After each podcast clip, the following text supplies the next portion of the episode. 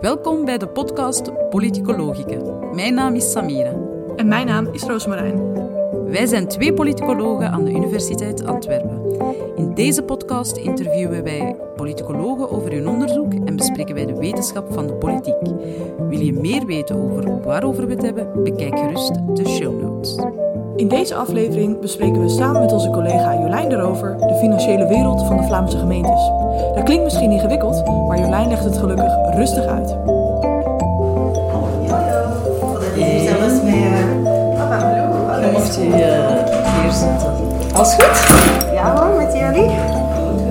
Ik was zelf even door mijn presentatie van mijn doctoraat aan het heen gaan. En ik las dat zo en ik dacht, ah ja. Dat best wel ook goed. nog. Ah, allee jong, daar zat echt wel iets achter. dat is echt grappig. Dus ehm, ja, ik ben Jolijn de Rover. Ik ben dokter in de bestuurswetenschappen, bestuurskunde. En ik heb een doctoraat geschreven over lokale autonomie, dus de autonomie van steden en gemeenten. Ehm, ehm, daarna heb ik ja, een onderzoeksproject naar het gemeentefonds gedaan en nu werk ik ook als consultant sterke lokale besturen. Ik vind het eigenlijk best wel wonderlijk dat als jij je doctoraat begint op je, wat is het, 22e of de 21ste, dat je dan denkt, ja joh, gemeentebestuur, interessant. hoe, hoe uh, was je daar al eerder in geïnteresseerd of, of hoe kwam die connectie tot stand? Ja, eigenlijk was ik daar echt totaal niet mee bezig met dat onderwerp toen ik begon aan mijn doctoraat. Ik kom eigenlijk uh, uit de sociologie, dus ik ben socioloog. En echt mijn passie of mijn de thema's waar ik heel veel rond werkte, waren eigenlijk integratie, discriminatie en ongelijkheid. Dus het zijn totaal andere onderwerpen als lokale autonomie, Precies. omdat dat toch echt wel een, ja, een heel erg ja, abstract en theoretisch onderwerp is. Nu, hoe ben ik daar ingerold?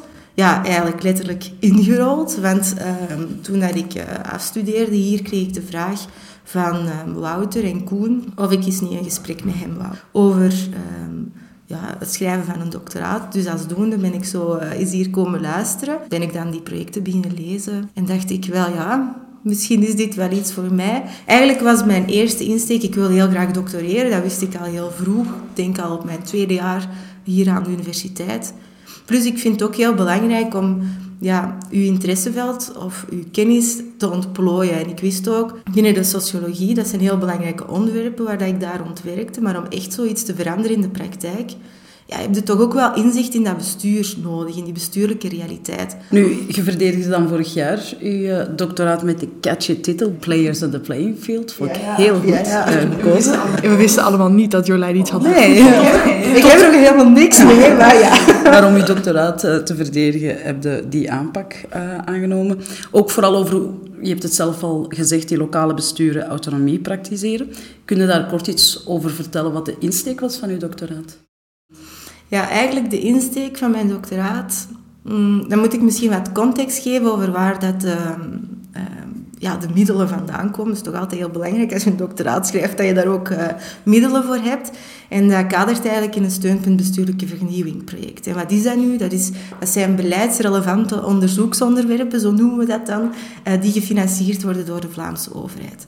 En de Vlaamse overheid, het agentschap Binnenlands Bestuur, wou onderzoek uitvoeren naar de impact van een grote hervorming die in 2016 heeft, plaatsgevonden, namelijk zeven geoormerkte sectorale doelsubsidies. Dat zijn dus eigenlijk middelen die lokale besturen krijgen om bepaalde Vlaamse beleidsprioriteiten te realiseren. En de Vlaamse overheid, dat agentschap Binnenlands Bestuur, wou weten van kijk, welke impact heeft die hervorming nu eigenlijk gehad op wat lokale besturen doen. Want de insteek was om door die middelen vrij te geven, lokale besturen ook meer mogelijkheden te geven om lokaal maatwerk af te leveren. Efficiënter en effectiever met die middelen om te springen. Dus op een manier die veel dichter bij, uh, bij de noden van de bevolking ligt. Um, plus ook um, om de lokale democratie te versterken. Dat waren eigenlijk de grote doelstellingen van die hervorming. Maar natuurlijk moet je dan ook onderzoeken in welke mate dat, dat ook gerealiseerd is. Dus voilà, op dat project ben ik eigenlijk begonnen als onderzoeker. Dus het was eigenlijk een heel concreet project naar één beleidshervorming. En vervolgens in mijn eerste of tweede jaar doctoraat um, vond ik opeens mijn hoek, hè, waar elk onderzoeker naar op zoek is, namelijk die lokale autonomie. Want eigenlijk is dat het vraagstuk. Hè. Het gaat eigenlijk over, oké, we hebben hier nu formeel heel wat extra vrijheid gegeven aan die lokaal besturen en wat doen ze daar nu mee? Dus dat is eigenlijk heel de insteek geweest van mijn doctoraat, om echt dat onderscheid te maken tussen wetgeving, het formele kader of ook wel het speelveld hè, van uh, het voetbalveld en anderzijds wat dan die spelers, die voetballers op dat voetbalveld doen, namelijk wat dat die lokale besturen um, daar doen. Heb ik nu eigenlijk uw vraag beantwoord? Ja, dat is heel veel informatie. Ik ben het even okay. aan het verwerken in de zin van de Vlaamse overheid geeft eigenlijk geld aan lokale gemeenten. En er zijn wel regels hoe dat ze dat geld moeten besteden. Eerder wel, nu niet meer. Dus en dan komt de hervorming inderdaad in 2016 en dan hebben de lokale gemeenten meer vrijheid om dat geld te spenderen op de manier dat ze willen. Ja, eigenlijk voor 2016 waren die regels voor die middelen, dus dat is een pot geld voor zeven sectoren, sport, cultuur, jeugd, onderwijs, etc. En voor 2016 hingen daar heel veel regels aan. Dus een lokaal bestuur, om die pot geld te krijgen, moest voldoen aan bepaalde Vlaamse beleidsprioriteiten. Dus als Vlaanderen die zegt, als je dat geld krijgt, moet je dat besteden aan bijvoorbeeld um, de inclusie van um, mensen met een beperking binnen sport. Oké.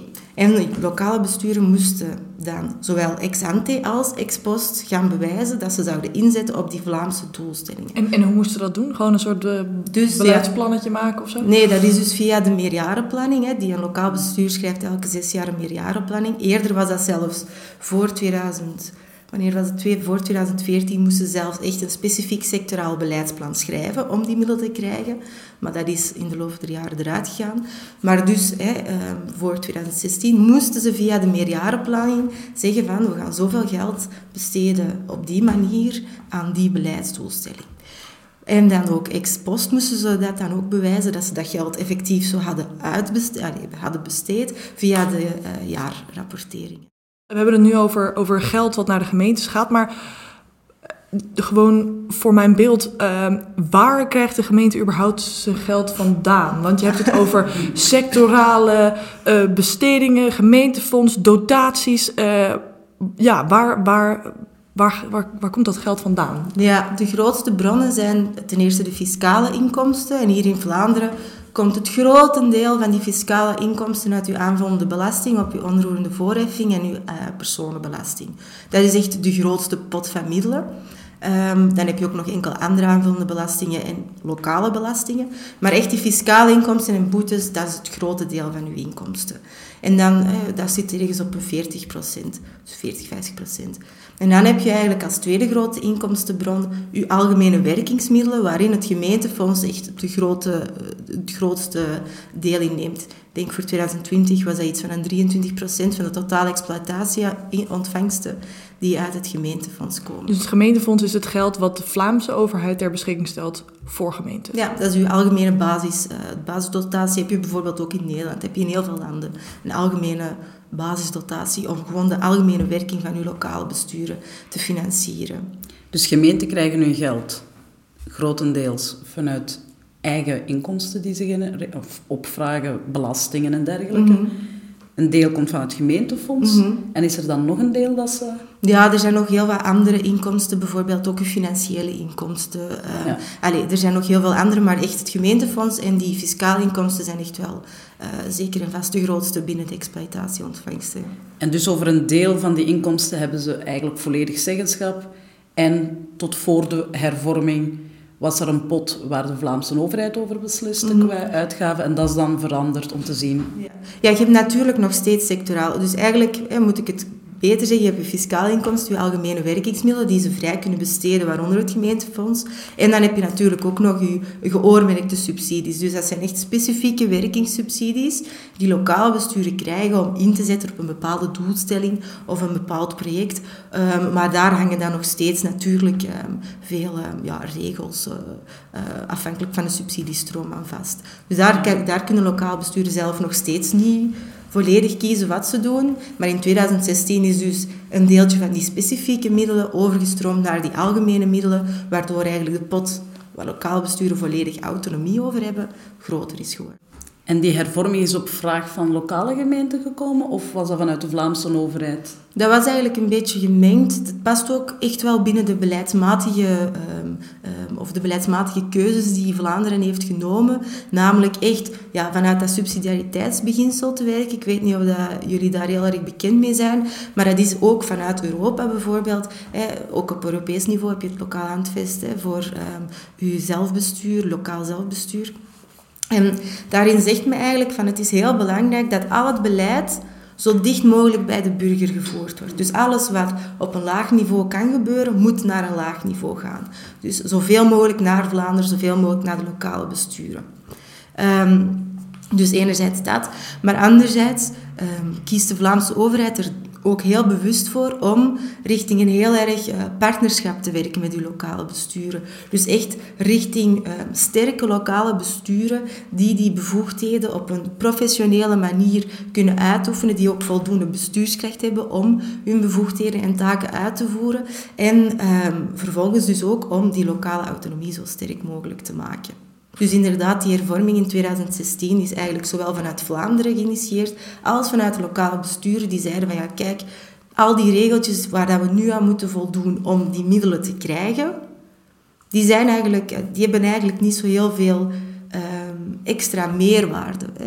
We zouden hetzelfde doen of zelfs veel meer kunnen doen, op, veel, op, op doelstellingen kunnen inzetten die lokaal eh, veel noodzakelijker zijn als die regeltjes er niet aan vasthangen. Dus geef ons alsjeblieft die vrijheid om die middelen zo te besteden. Dus eigenlijk was het een vraag langs beide kanten, hoewel ik wel moet zeggen, vanuit, uh, zeker in de Vlaamse sectoren, zoals sport, jeugd en cultuur en zo, en ook onderwijs, die zeiden wel, die waren wel heel erg bang. Want ze zeiden van, nu hebben we natuurlijk nog een serieuze vinger in de pap om te bepalen hoe die middelen besteed worden als we dat helemaal vrij gaan laten, gaat dat niet meer gebeuren. Dus zij waren heel erg bang dat lokale besturen niet meer zouden inzetten op, um, uh, ja, op, op, die sectoren, die zachtere sectoren. Dat de middelen allemaal zouden gaan naar de harde sectoren, zoals uh, ja, veiligheid of zoals uh, wegen, het onderhoud van wegen. Um, en dat er dus ook niet meer bijvoorbeeld richting innovatie binnen die sectoren zou gewerkt worden. En was dat een terechte bezorgdheid? Nou, ik denk dat die bezorgdheid aan zich zeer terecht was. Het is natuurlijk ook belangrijk dat lokaal besturen blijven gemotiveerd worden om in te zetten op die sectoren. Maar wat ik zie, wat ik heb gezien in mijn onderzoek, is eigenlijk dat door het verminderen van die uh, verticale controle, dus tussen Vlaanderen en de lokale besturen, dat eigenlijk echt uw lokale, ja, eigenlijk uw lokale democratie het heeft overgenomen. En ook, dus eigenlijk dat er eigenlijk veel meer druk is gekomen van horizontaal druk, van vanuit de bevolking, maar ook vanuit het lokale middenveld, om die middelen nog steeds zo in te, in te zetten. Want natuurlijk, een sportclub die subsidies krijgt van lokaal bestuur om te werken rond hetgeen of het ander, die zegt van ja, ik wil die middelen nog steeds. Ook al heeft het lokaal bestuur nu volledig zeggenschap over die middelen. Dus daar komt heel veel druk, bijvoorbeeld uit de sportclubs, bijvoorbeeld uit de cultuurcentra, maar ook uit de bevolking. Want ja, wij zijn allemaal mensen, wij wonen allemaal in een gemeente, wij willen allemaal gaan sporten in een sporthal. En ons maakt het eigenlijk helemaal niet uit waar die middelen vandaan komen. Wij willen gewoon kunnen blijven sporten in die sporthal. Dus als een lokaal bestuur opeens zou zeggen van ja, kijk, we kunnen nu die middelen gebruiken voor het aanleggen van wegen, maar daarvoor kunnen we wel minder investeren in het organiseren van sportevents, cultuurevents, uh, uh, minder op het flankerend onderwijsbeleid, weet ik veel. En dan gaan uw burgers ook niet tevreden zijn. En dat zie je dus eigenlijk waarom dat die vrees niet echt terecht is, of ja, het was wel terecht, maar toch niet is uitgekomen, is omdat het echt wel zachte beleidssectoren bevat, omvat die ehm, heel dicht bij de burger liggen. Ja, dus, dus uiteindelijk zijn ze gewoon evenveel blijven uitgeven aan. Zelfs meer. Zelfs meer? Ja, okay. zelfs meer. Omdat je echt die verantwoordelijkheid bij je lokaal besturen hebt gelegd. Dus eigenlijk uh, meteen doelstelling 1, responsiever naar de bevolking, mm -hmm. is misschien al meteen mm. gelukt. Als je de cijfers mag geloven, wel. Natuurlijk, ja. cijfers zijn, al, zijn nooit ja. het volledige verhaal. En ook cijfers, ja, het is overheen onze 300 Vlaamse gemeenten. Er zullen vast en zeker wel Vlaamse gemeenten zijn die die middelen hebben anders hebben ingezet. Maar over het algemeen inderdaad gevonden dat er zelfs meer middelen naar die sectoren zijn gegaan. Ja. En van waar kwamen de fondsen dan? Als er meer naar die sectoren is? Van andere beleidsvelden. Ah, okay. En welke, ja. welke, welke sectoren hebben niet goed gelobbyd eigenlijk? Wel, eigenlijk Dat, dat kan ik niet zo heel erg zeggen. Het is echt meer van over alle andere beleidsvelden samen dat er uh, meer middelen naartoe zijn gaan. En het is ook niet dat die middelen met 50% zijn toegenomen of zo. Hè. Het, is, het, is een, het, is een kleine extra hoeveelheid, allez, extra, uh, hoeveelheid extra middelen die naar die sectoren zijn gegaan. Maar het is zeker niet dat het daar over 10 of 15 procent gaat. Hè. Ja, want het geld uh, wat er in eerste instantie geoormerkt werd gegeven, dat, dat bedrag is wel gelijk gebleven. Ja, dat is gelijk okay, gebleven. Dat is... Maar ja, dat is, aan de ene kant zou je kunnen zeggen dat is goed, maar anderzijds wordt dat niet meer geïndexeerd. Terwijl voor 2016 werd het wel geïndexeerd en groeide het dus mee met ja, uw inflatie. En dat is nu niet meer. Dus eigenlijk de facto neemt die totale pot geld wel af overheen de jaren. En dat gaat over best veel geld hè, op een gegeven moment. Dus uh, ja. En als ik even terug mag gaan naar die sector. Je hebt gezegd, er wordt zelfs meer geld uitgegeven. En dan heb je het over sport, cultuur, jeugd. Mm Dat zijn de drie belangrijke ja. posten waar lokale gemeenten nog investeren. Dat zijn eigenlijk de drie um, sectoren die ik voornamelijk heb onderzocht. Hè. Je, hebt, je had in totaal zeven sectoren. Maar... Um, Wanneer je kijkt naar welke sector het meeste geld ging binnen die geoormerkte subsidies, waren dat echt sport, jeugd en cultuur. Ook bijna elk lokaal bestuur kreeg daar middelen voor. En daarom heb ik eigenlijk de keuze gemaakt om die uh, beleidssectoren uh, eruit te nemen. En hoe heb je dat dan methodologisch aangepakt? Met welke data heb je dan concreet gewerkt als je zegt die drie sectoren? Mm -hmm. En hoe heb je dat dan verder ja. opgenomen? Dus methodologisch, ik heb zowel kwantitatief als kwalitatief onderzoek uitgevoerd. Um, ten eerste het kwalitatieve onderzoek. Daar ben ik eigenlijk naar heel veel lokale besturen gegaan. Um, ik heb denk ik met 44 mensen gesproken in totaal. Dus dat, en dat was, was verspreid over 14 lokale besturen. Dus ja, de ene dag zat, ik helemaal in de Limburg, de volgende dag zat ik helemaal aan de kust. dus het was echt een antropologisch onderzoek helemaal in Vlaanderen. Ik heb uh, ja, zowel alle, alle treintrajecten afgedaan die je kunt afdoen in Vlaanderen. Dus alleen, dat was heel leuk. Ook met alle accenten gesproken. Hè. Mensen met alle accenten. Het was, heel, uh, het was heel boeiend en leuk. Dus ja, daar ben ik met heel veel mensen gaan spreken, om eh, voornamelijk schepen, eh, schepenen en ambtenaren, um, ook wel wat burgemeesters hier en daar, om te spreken over welke impact die hervorming nu heeft gehad op hoe dat zij hun middelen gebruiken, of ze überhaupt stil hebben gestaan bij die hervorming, want in sommige lokale besturen was dat ook wel zo van, uh, ah ja. dus um, ja, dat ze er stil hadden bij gestaan, wat voor impact het heeft gehad. Um, dat soort zaken. En anderzijds heb ik daar dan ook um, um, de financiële data van lokale besturen uh, onderzocht.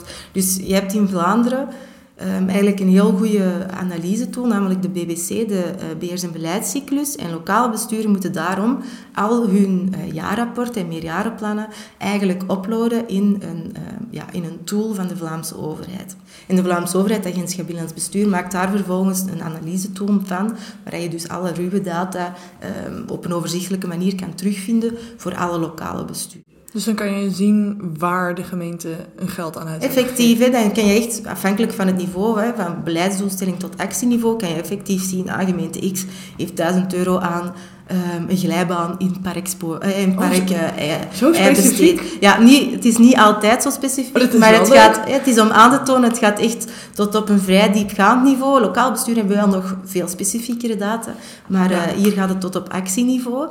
En zo um, heb ik eigenlijk mooi in kaart kunnen brengen hoe dat eigenlijk die uitgaven overheen uw legislatuur en meerjarenplannen zijn veranderd. Dus jij kon gewoon zien, voor die hervorming in 2016 ging er, nou ja, 25 procent, x procent naar een bepaalde sector.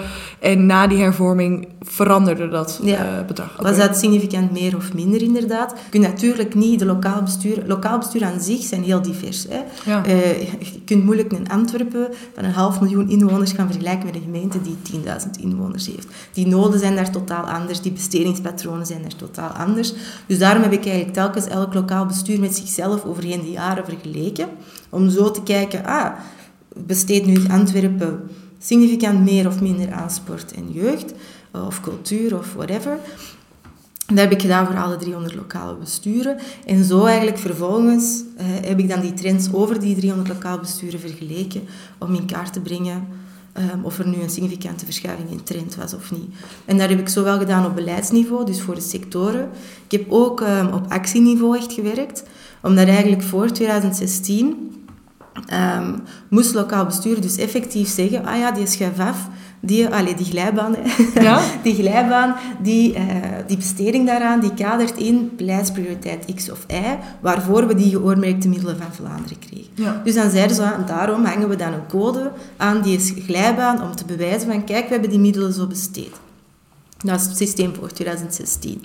En ik heb bijvoorbeeld ook gekeken, echt op dat laagste niveau, oké, welk, in welke mate zijn er nu ook verschuivingen in hun acties? Eh, Besteden lokale besturen hun middelen effectief aan andere acties. En niet enkel aan andere beleidsdomeinen, maar ook aan andere acties.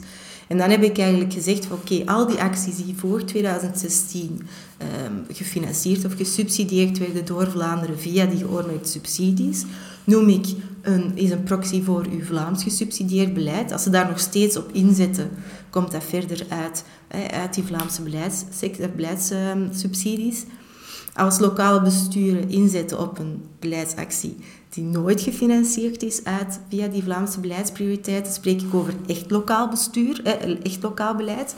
En dan ben ik dus gaan kijken of lokaal besturen overheen de, eh, de hervorming in 2016 nu ook significant meer inzetten op dat echt lokaal beleid of, of dat daar niet echt verschuivingen waren. En daar zie je dus ook wel dat lokaal bestuur nu echt significant veel meer inzet op die echte lokale beleidsacties. Kun dus je, dat is kun ook je wel daar interessant. een voorbeeld van geven? Want de glijbaan was dus niet, is dat, dat is niet echt, dat, of is dat wel echt lokaal beleid of past dat dan meer? Ja, kun je een voorbeeld Ja, een glijbaan is nu, is nu gewoon om het heel concreet te maken. Ja? Maar eh, bijvoorbeeld voor sport, hè, daar had je eh, beleidsprioriteiten om in te zetten op eh, kwalite- eh, professionalisering van je jeugdtrainers, bijvoorbeeld. Mhm. En daar moest een lokaal bestuur een x-percentage van de middelen die ze vanuit Vlaanderen kregen inzetten op die doelstelling. Het realiseren, hè, het professionaliseren van die beleidstrainers. Dan ben ik gaan kijken. eh, een lokaal bestuur voor 2016 in zijn eh, jaarrapportering, maar ook in zijn meerjarenplanning zegt dan... Oké, actie X, ehm, een, trainers, eh, een training voor, een opleiding voor de trainers, dat past binnen die doelstellingen van professionalisering van de jeugdtrainers. We hangen daar die code aan, oké. En dan kun je dan gaan kijken, oké, zetten daar nog steeds evenveel in dezelfde mate op in na die hervorming. Hè. Spenderen ze nog steeds evenveel of zelfs meer of minder geld aan die trainingen of opleidingen van die jeugdtrainers? Oké, maar ze doen dat blijkbaar nog. Oké, dat is dan Vlaams, oorspronkelijk Vlaams gesubsidieerd beleid, dus een proxy voor Vlaams beleid, ehm, dat dan gerealiseerd wordt. En dat kan je net doen voor alle acties. Ja. kan je ook doen voor die acties die nooit binnen die Vlaamse beleidsprioriteiten gesubsidieerd werden. En dan kan je vervolgens gaan kijken ja, of die groep van dat echt lokaal beleid, dat ze dus zelf hebben uitgevonden, hè, waar ze zelf hè, van hebben gezegd, daar willen we nu op inzetten, omdat dat belangrijk is voor ons, voor onze bevolking, hè, omdat er noden zijn lokaal. Hè, dan kan je gaan vergelijken van oké, is dat, is, neemt, eh, nemen die lokale beleidsacties nu een groter, maken die nu een groter deel uit ten Ja. opzichte van die Dus, Vlaamse dus, beleidsprioriteiten. dus dan bijvoorbeeld in plaats van dat ze inzetten op, omdat de overheid dat wil, professionaliseren van trainen, denken zij, ja, maar eigenlijk hebben ze gewoon behoefte Ja. aan een nieuw, nieuw doel, nieuwe pionnen. Exact. Nieuw, en, en dan, dan gaan ze, maken ze zelf een Exact. autonome keuze. Ja. Exact. Ja, en zou je dan ook niet zeggen, want nu komt het over alsof de Vlaamse beleidsprioriteiten niet overeenkomen met de lokale. Maar je ziet, eigenlijk meet je, als er een verschuiving is, dan is het werkelijk lokaal beleid en anders volgen ze mee in die Vlaamse beleidsprioriteit. Maar ik zou toch ook nog kunnen denken, er is misschien een overlapping. Mhm, zeker, ja. En dat is, dat is ook gewoon zeker, hè, want vaak, afhankelijk van de sector, zijn die Vlaamse beleidsprioriteiten aan zich vrij breed. En zegt elk lokaal bestuur wel, hè, van ja, we gaan daar wel eh, op inzetten, op het blijven inzetten. Alsnog geeft het wel natuurlijk je Vlaamse prioriteiten weer. Hè. Zegt Vlaanderen van ja, kijk, je moet nu een x-percentage van je middelen echt inzetten op dat. Terwijl lokaal kunnen ze daar een tot, kunnen ze wel zeggen het is belangrijk, maar we willen niet dat x percentage van die middelen daarop inzetten. En dat zie je toch ook wel, dat dat overheen die Vlaamse prioriteit- beleidprioriteiten toch echt wel ook de kritiek was op dat systeem hè, van, die van die Vlaamse eh, sectorale subsidies. De lokale besturen zeiden van oké, het is niet raar, het zijn geen rare beleidsprioriteiten, maar die verhouding tussen hoe dat we die middelen moeten besteden, bijvoorbeeld, of hoe dat we die moeten verantwoorden, past niet bij onze, bij onze lokale realiteit en willen we daarom veranderen. En dan vaak ook hè, verminderen, zodat ze die op andere, andere acties of andere doelstellingen kunnen inzetten. En dat is een beetje met wat dat je er juist ook zei, er zitten verschillen ook over Mhm, gemeenten. Dus als er beleid komt naar al die gemeenten, Absoluut. is dat een beetje bizar om op die manier... Exact, inderdaad, inderdaad. En er zullen vast, en er zijn zeker lokale besturen, zeker de beleids, minder beleidskrachtige, ehm, bestuurskrachtige lokale besturen, die eigenlijk heel erg houden bij het oude. Die zeggen van ja, wij voelen hier niet echt de nood om iets dat werkt te gaan veranderen. Dus wij gebruiken nu onze autonomie om te blijven inzetten op wat we altijd hebben gedaan. Je ziet andere besturen die dat totaal niet doen. Hè. Die zeggen van kijk, we gaan onze middelen nu echt wel anders besteden. En wanneer je dus eigenlijk die trends van al die lokale besturen samenneemt, zie je effectief wel dat er een heel sterke trend is naar echt dat lokaal beleid en veel minder die acties die ooit via de Vlaamse eh, beleidsprioriteiten gesubsidieerd werden.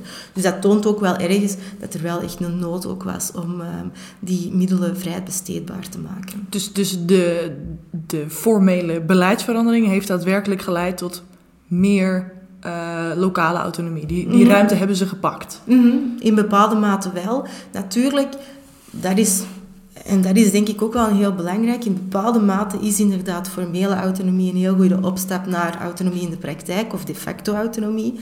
Anderzijds zijn er wel heel veel andere aspecten die ook bepalen in welke mate uw lokaal bestuur uw auto- autonomie, zijn autonomie gaat gebruiken. En dan zitten we daar bijvoorbeeld, ja, uiteraard op vlak van capaciteit, de standaardzaken, personeel, middelen, infrastructuur, maar zeker ook uw netwerken waar dat die lokale besturen in ingebed zijn, het politiek gewicht dat bijvoorbeeld bepaalde sectoren binnen een lokaal bestuur heeft, de connecties die ze hebben met Vlaanderen. Ehm, Zo'n zaken speelt ook wel heel erg mee binnen die de facto autonomie. En dat is ook iets waar ik in mijn, in mijn doctoraat heel erg op verder gaat. Op, ja kijk, het is niet echt voldoende om enkel maar rekening te houden met we gaan nu meer bevoegdheden of, eh, of ehm, vrijheid geven, formele vrijheid geven aan die lokale besturen, zodat dat speelveld, hè, de, de ruimte die ze hebben, ehm, uitgebreid wordt. Maar ook heel veel andere zaken, zoals het, ehm, ja, om terug op de voetbalmetafoor te komen, de conditie van uw spelers. De conditie in de zin van ja, hoe fit zijn uw spelers, hoe bestuurskrachtig zijn uw lokale besturen. Ten tweede ook eh, dat publiek daar rond uw voetbalveld zit. Hè.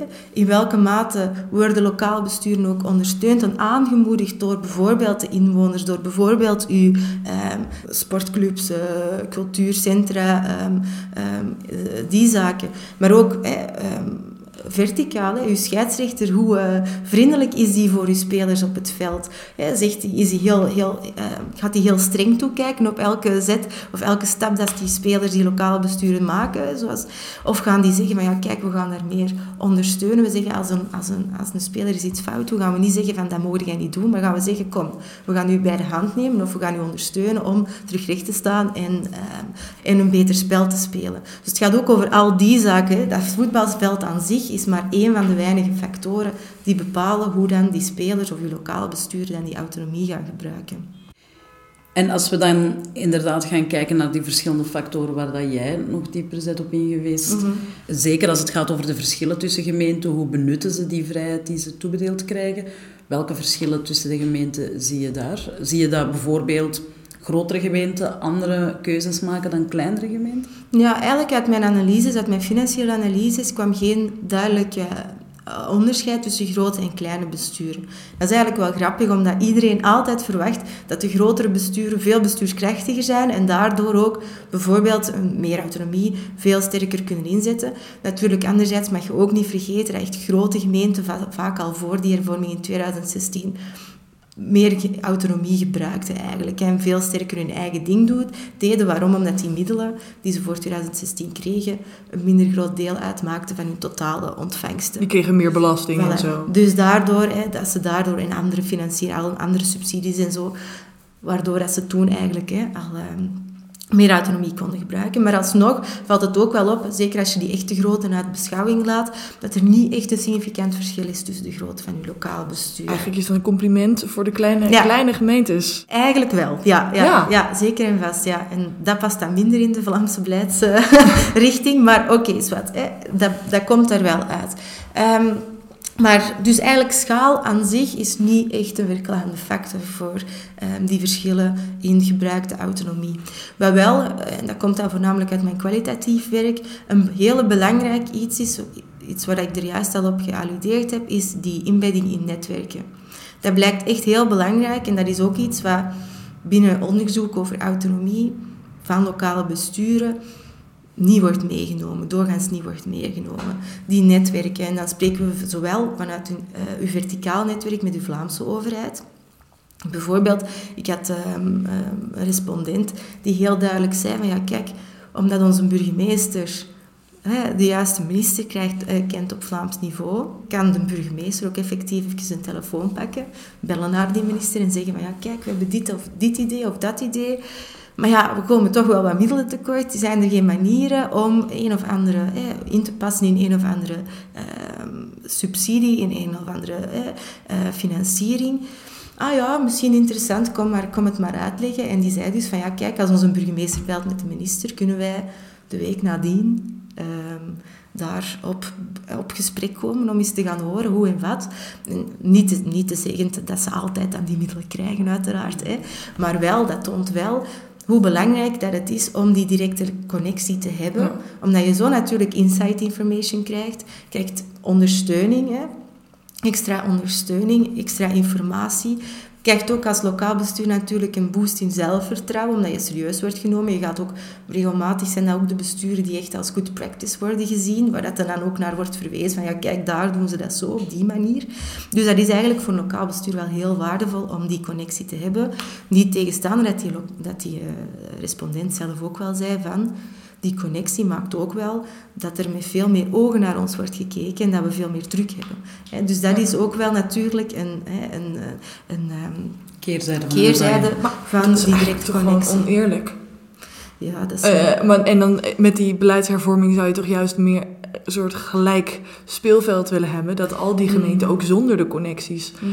die keuzes kunnen maken. Maar die connecties zijn ook belangrijk bijvoorbeeld binnen uw lokaal bestuur. Hè. dat zijn uw netwerken, dat is allee, uw sociaal kapitaal dat je hebt uiteindelijk als lokaal bestuur.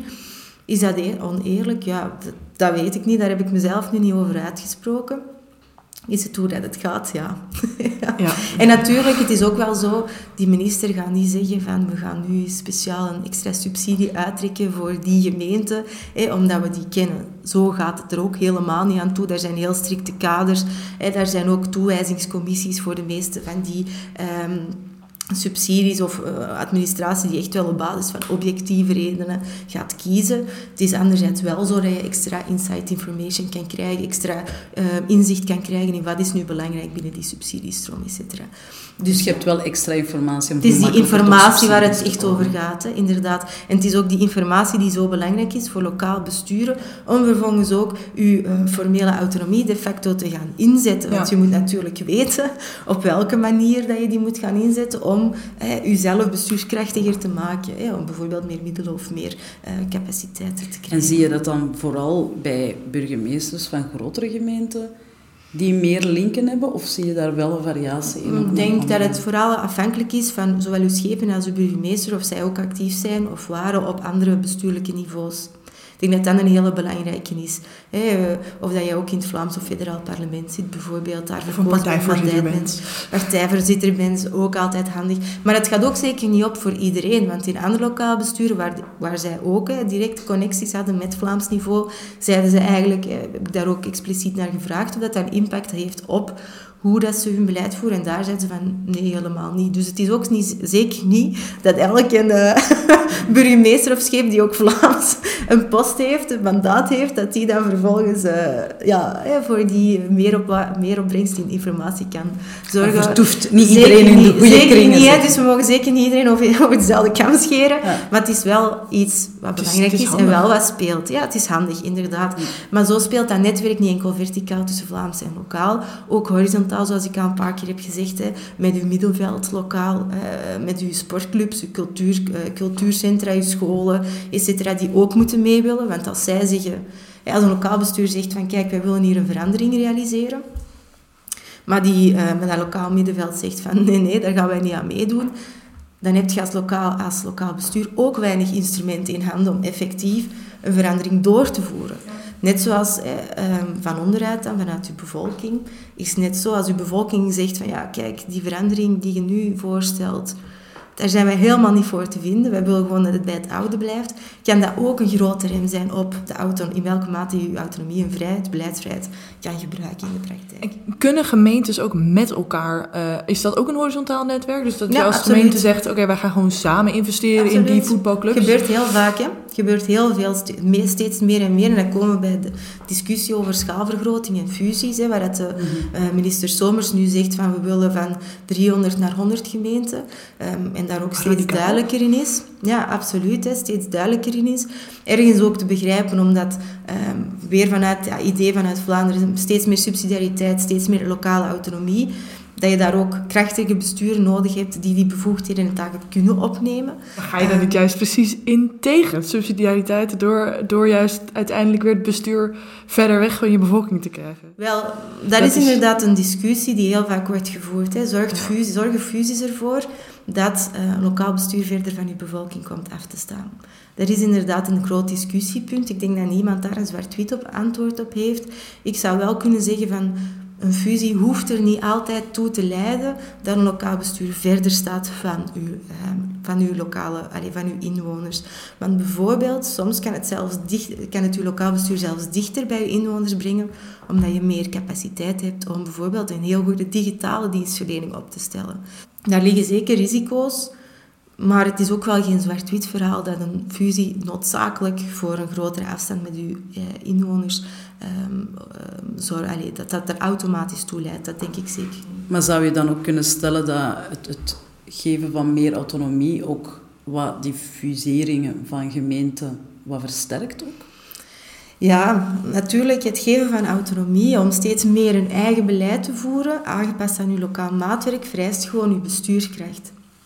En oké, bestuurskracht is geen één op één link met uw, klei- met uw schaal, maar je ziet toch wel dat zeker de kleine lokaal besturen toch hier en daar wel in de problemen geraken met die bestuurskracht, met de capaciteit, dus het, de infrastructuur waarover ze beschi- beschikken en dan ook de staat van die infrastructuur, de mate waarop ze erin kunnen investeren, ook hun financiële middelen, ehm, hun netwerk anderzijds ehm, en hun personeel. En je ziet toch wel daar dat lokale bestuur, om, een kleine lokaal bestuur, omwille van de steeds groter wordende taken, steeds groter wordende bevoegdheden, dat die daar toch wel zien dat hun capaciteit ten opzichte van hun taakstelling toch wel onder druk komt. Dus ehm, ja, dat is zeker wel iets dat speelt. En dan kan je wel zeggen, om autonomie te gebruiken, de facto moet je bestuurskracht hebben.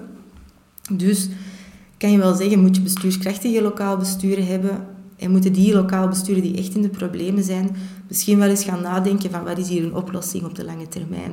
Kan een fusie zijn, hoeft niet noodzakelijk uiteraard. Want, want uit jouw onderzoek blijkt ook dat bestuurskrachtig, eh, als bestuurskrachtige lokale besturen ook meer beleidsvrijheid nemen. Mhm, Ja, exact. Ja? Ja? inderdaad. hè, Dat vloeit er, allee, dat vloeit er dat, daar ook weer. hè. Dat is geen één op één relatie, maar je ziet daar inderdaad wel zeker een correlatie tussen, tussen bestuurskracht en tussen je ehm, formeel, allee, de facto autonomie.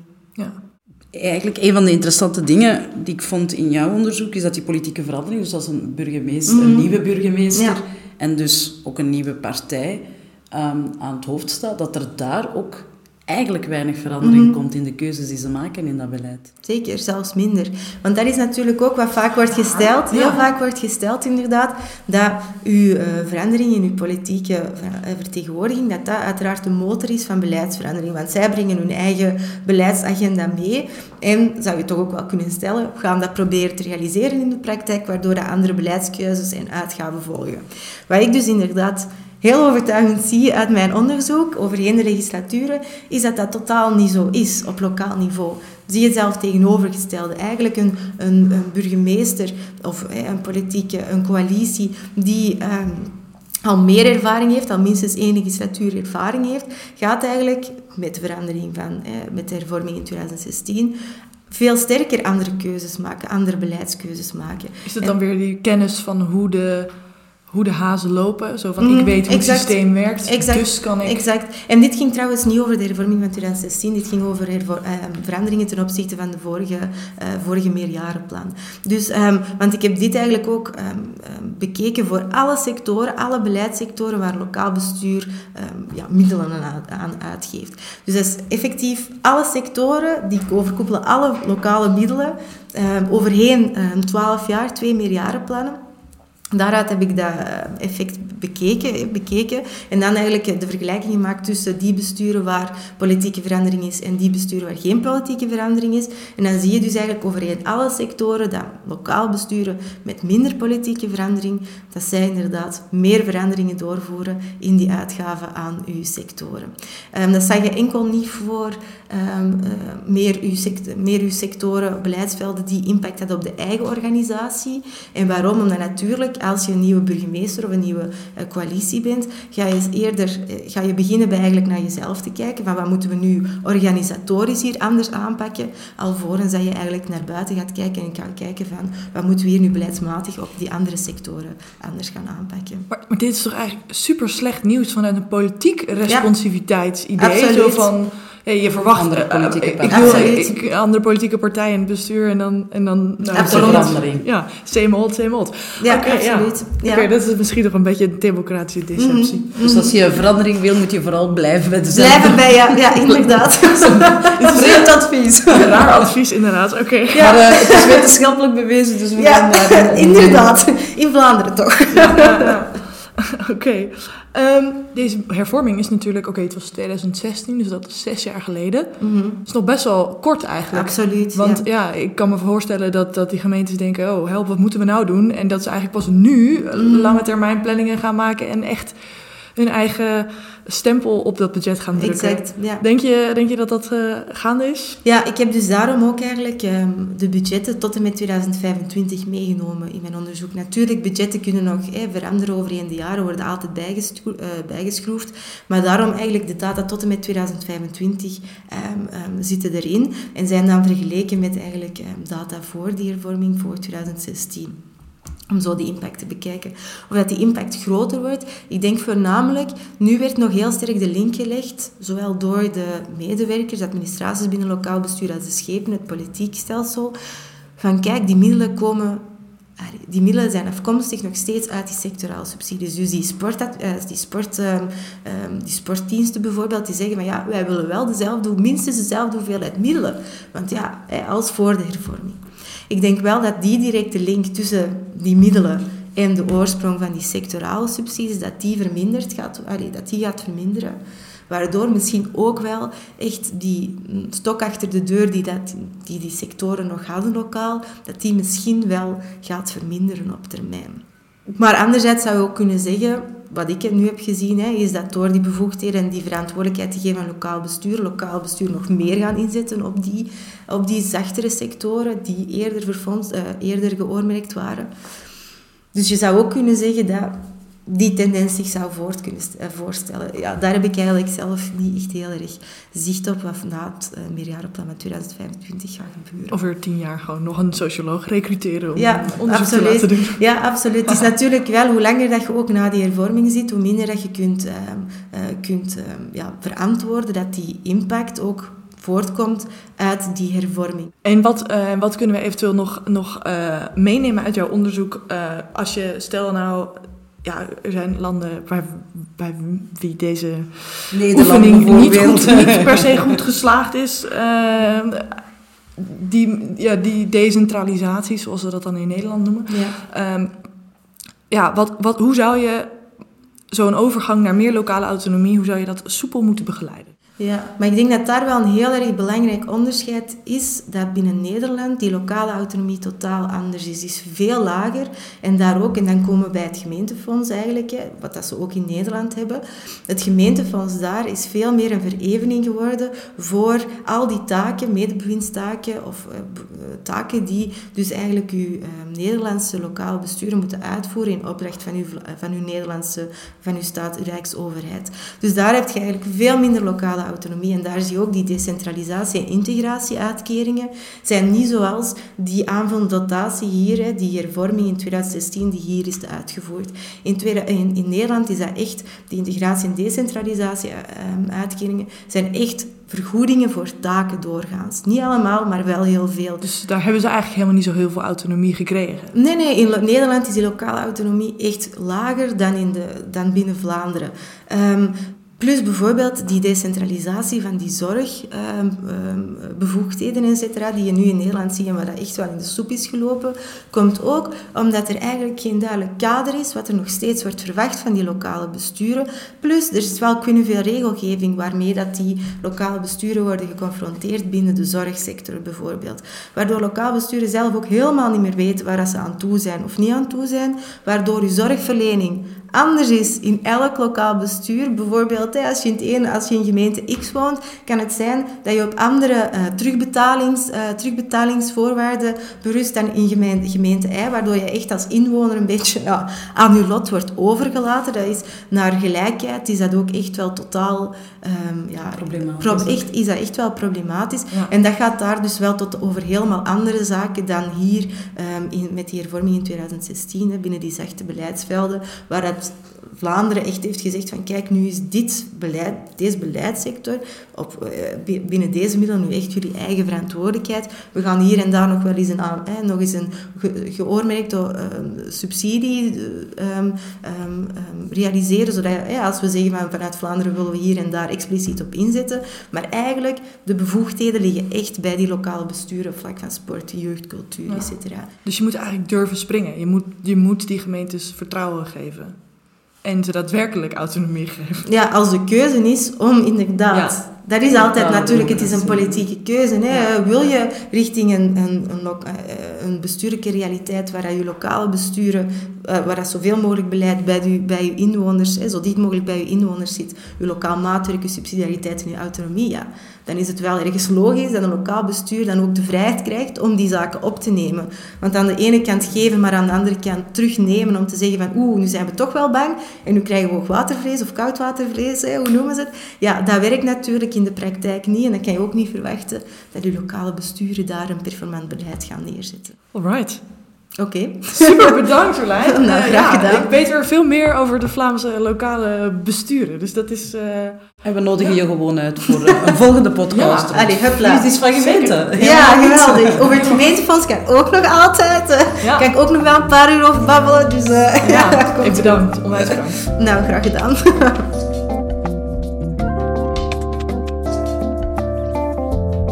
Dit was de podcast Politicologica.